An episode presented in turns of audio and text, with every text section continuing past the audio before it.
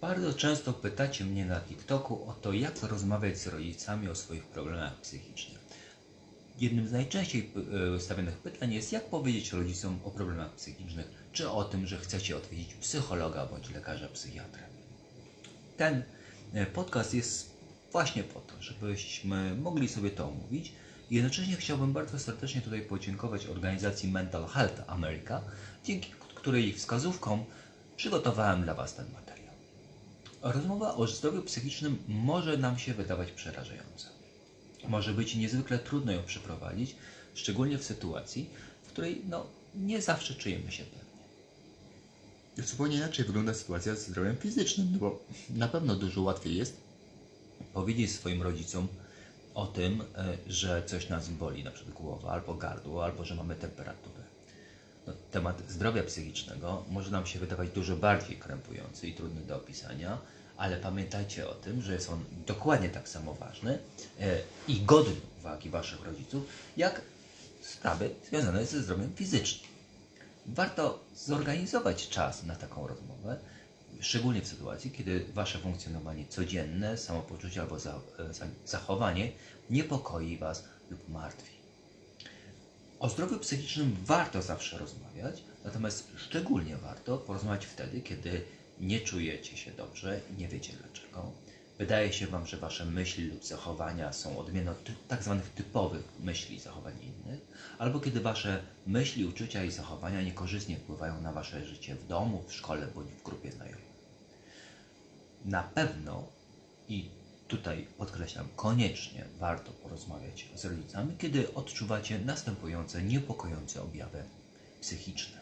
Na przykład poczucie smutku, pustki i beznadziei, albo nadwrażliwość, czyli kiedy jesteście bardziej wrażliwi niż zazwyczaj na dźwięki, światło, zapachy lub dotyk. Kiedy czujecie się przygnębieni i nadmiernie zmartwieni. Kiedy zadania szkolne lub te zawodowe zaczynają Wam sprawiać większe niż dotychczas problemy bez wyraźnego powodu. Albo kiedy dzieją się rzeczy trudne do opisania swoim mózgiem.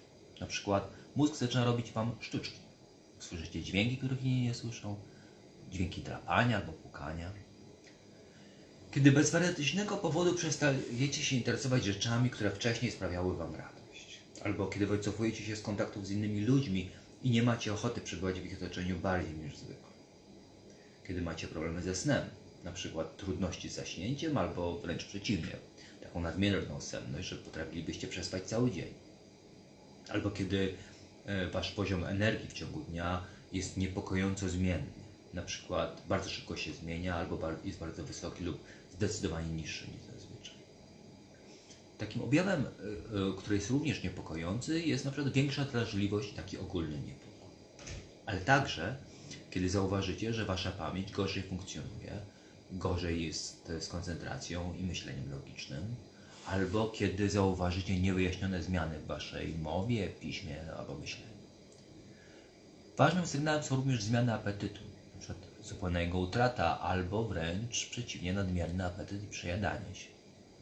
Szczególnie warto zwrócić uwagę na myśli lub plany zabicia się lub zranienia kogoś, siebie lub kogoś innego. Nadmierna podejrzliwość albo duży lęk. Kiedy dzieją się inne, trudne, dziwne do wyjaśnienia y, y, rzeczy związane z Waszą osobowością, charakterem, funkcjonowaniem i samopoczuciem, to bez wątpienia jest powód do rozmowy o zdrowiu psychicznym. Taka rozmowa może nam się wydawać trudna, a czasami wręcz niemożliwa do przeprowadzenia. Mm, bardzo wiele osób, z którymi miałem do czynienia, bardzo boi się zwrócić do rodziców ze swoimi problemami, bo po prostu boi się ich reakcji. Boją się tego, żeby, że rodzice się zdenerwują albo będą mieli przez to więcej problemów.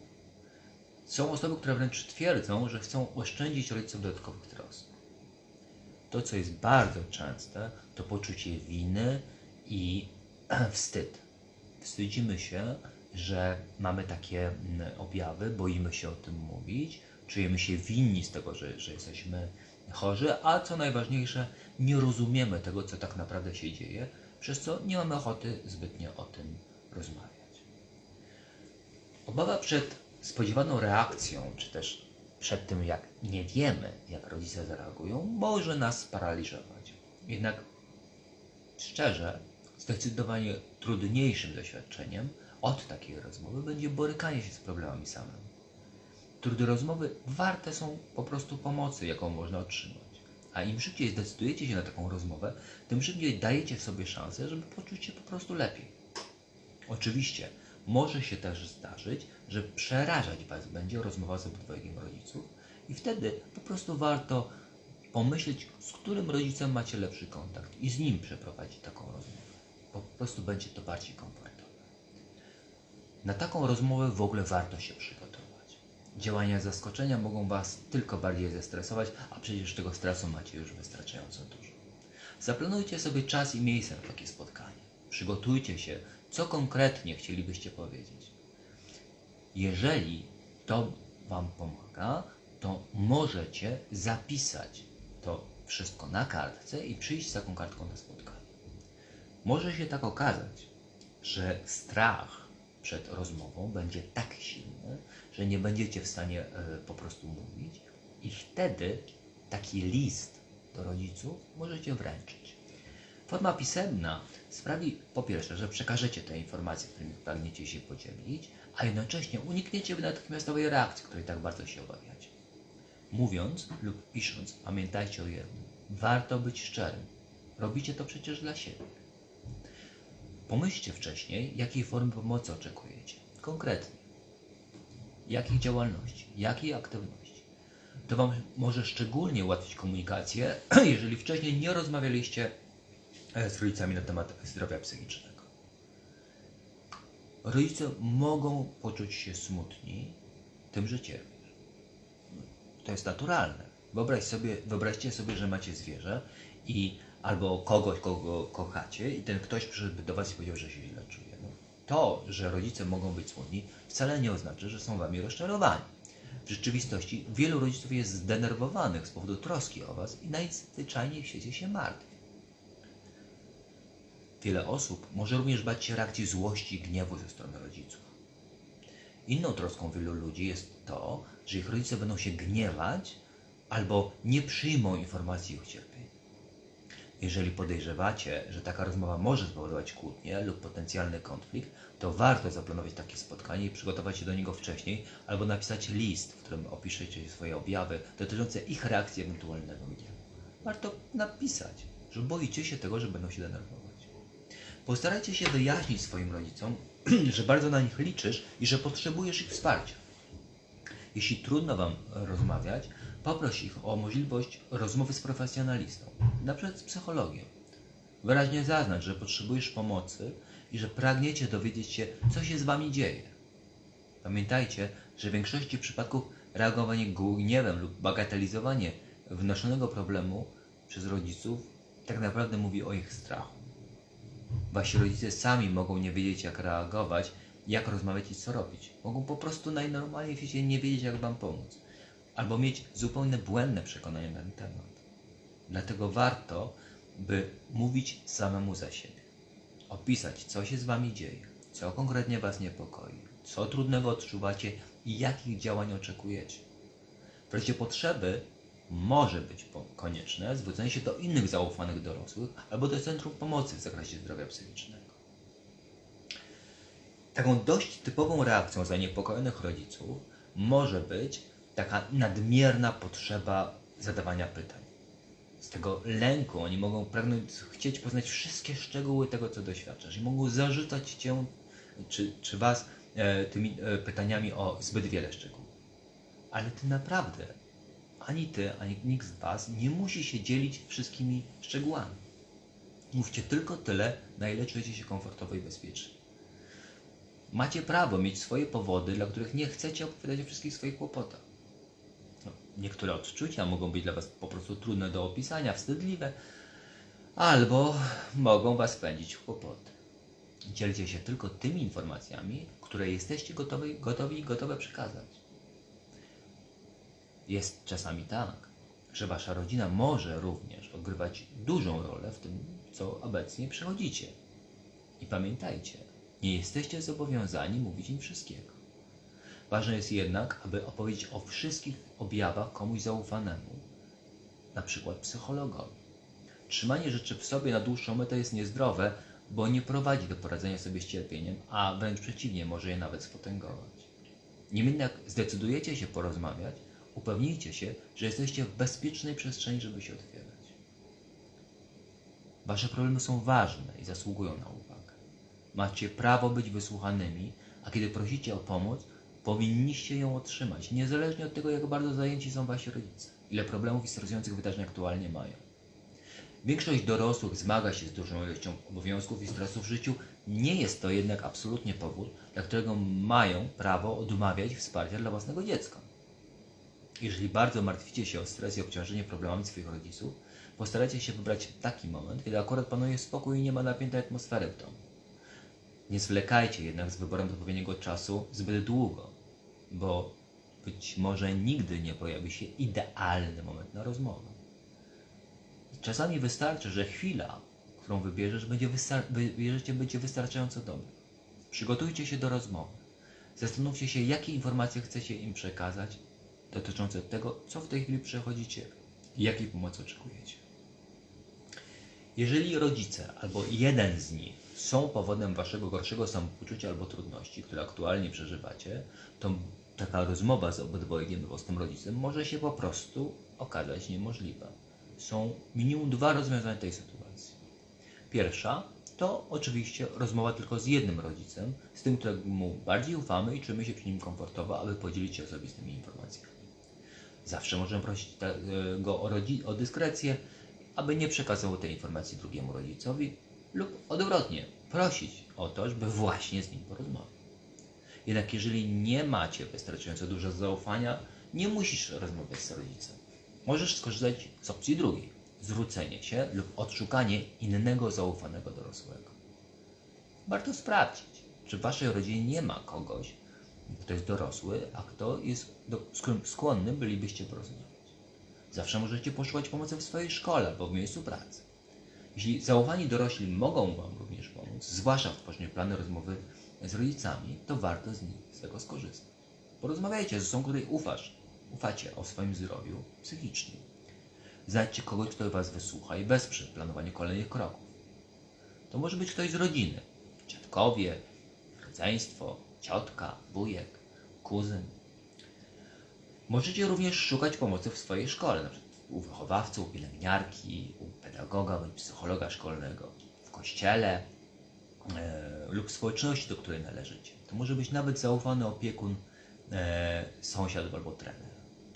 Jeżeli doświadczacie przemocy fizycznej, wykorzystywania seksualnego lub zaniedbania, możesz o tym poinformować osobę dorosłą lub bezpośrednio zadzwonić na policję. Rodzice oczywiście z różnych powodów, powodów mogą nie być w stanie Ciebie zrozumieć. E, mogą je wręcz nazywać typowymi doświadczeniami związanymi z dojrzewaniem. I czasami, pomimo wielkiej troski o Ciebie, trudno będzie im zobaczyć, co tak naprawdę się z Wami dzieje i odrzucać mogą prośby o pomoc. Każdy dorosły ma swoje ograniczenia, jednak to absolutnie nie znaczy, że nie powinniście otrzymać wsparcia i pomocy, której potrzebujecie. To właśnie Wy najlepiej wiecie, co czujecie, czego doświadczacie i jak bardzo przeszkadza Wam to w Waszym życiu. Fakt, że Wasi rodzice tego nie rozumieją albo uważają, że nie potrzebujecie pomocy, nie jest prawdą ostateczną. Pamiętajcie, że ignorowanie problemów, odsuwanie ich na bok, to nie tylko bardzo, bo są bardzo nieprzyjemne, nie tylko nie powoduje, że cierpienie się zmniejszy lub zniknie, ale wręcz może je spotęgować. Jeżeli uważacie, że potrzebujecie pomocy, to znaczy, że tak jest. Rodzicom możecie powiedzieć, że rozumiecie ich zdanie i przekonania dotyczące waszego stanu zdrowia, ale jednocześnie prosicie o możliwość skonsultowania i rozmowy z lekarzem lub psychologiem. Jeśli nie zmienią zdania, być może będziesz musiał dotrzeć do, będziecie musieli dotrzeć do innych zasobów. Szukajcie zaufanych dorosłych, którzy Wam pomogą. Jeśli potrzebujesz profesjonalnej pomocy, zróbcie listę powodów, dla, dla których ich potrzebujesz. Konkretne rzeczy pomogą w każdej rozmowie dotyczącej Waszego zdrowia psychicznego. Jeśli nie jesteście pewni, że, czy dacie radę rozmawiać z rodzicami w cztery oczy, napiszcie do nich list. To warto, żeby mieć taką gotową formatkę nawet dla siebie, po to, żeby móc po prostu pozbierać myśli. Znajdźcie odpowiedni moment na rozmowę. Zaplanujcie go. Niech to będzie czas, kiedy wy albo wasi rodzice mają chwilę spokoju, nigdzie się nie śpiszą albo nie wykonujecie ważnej pracy.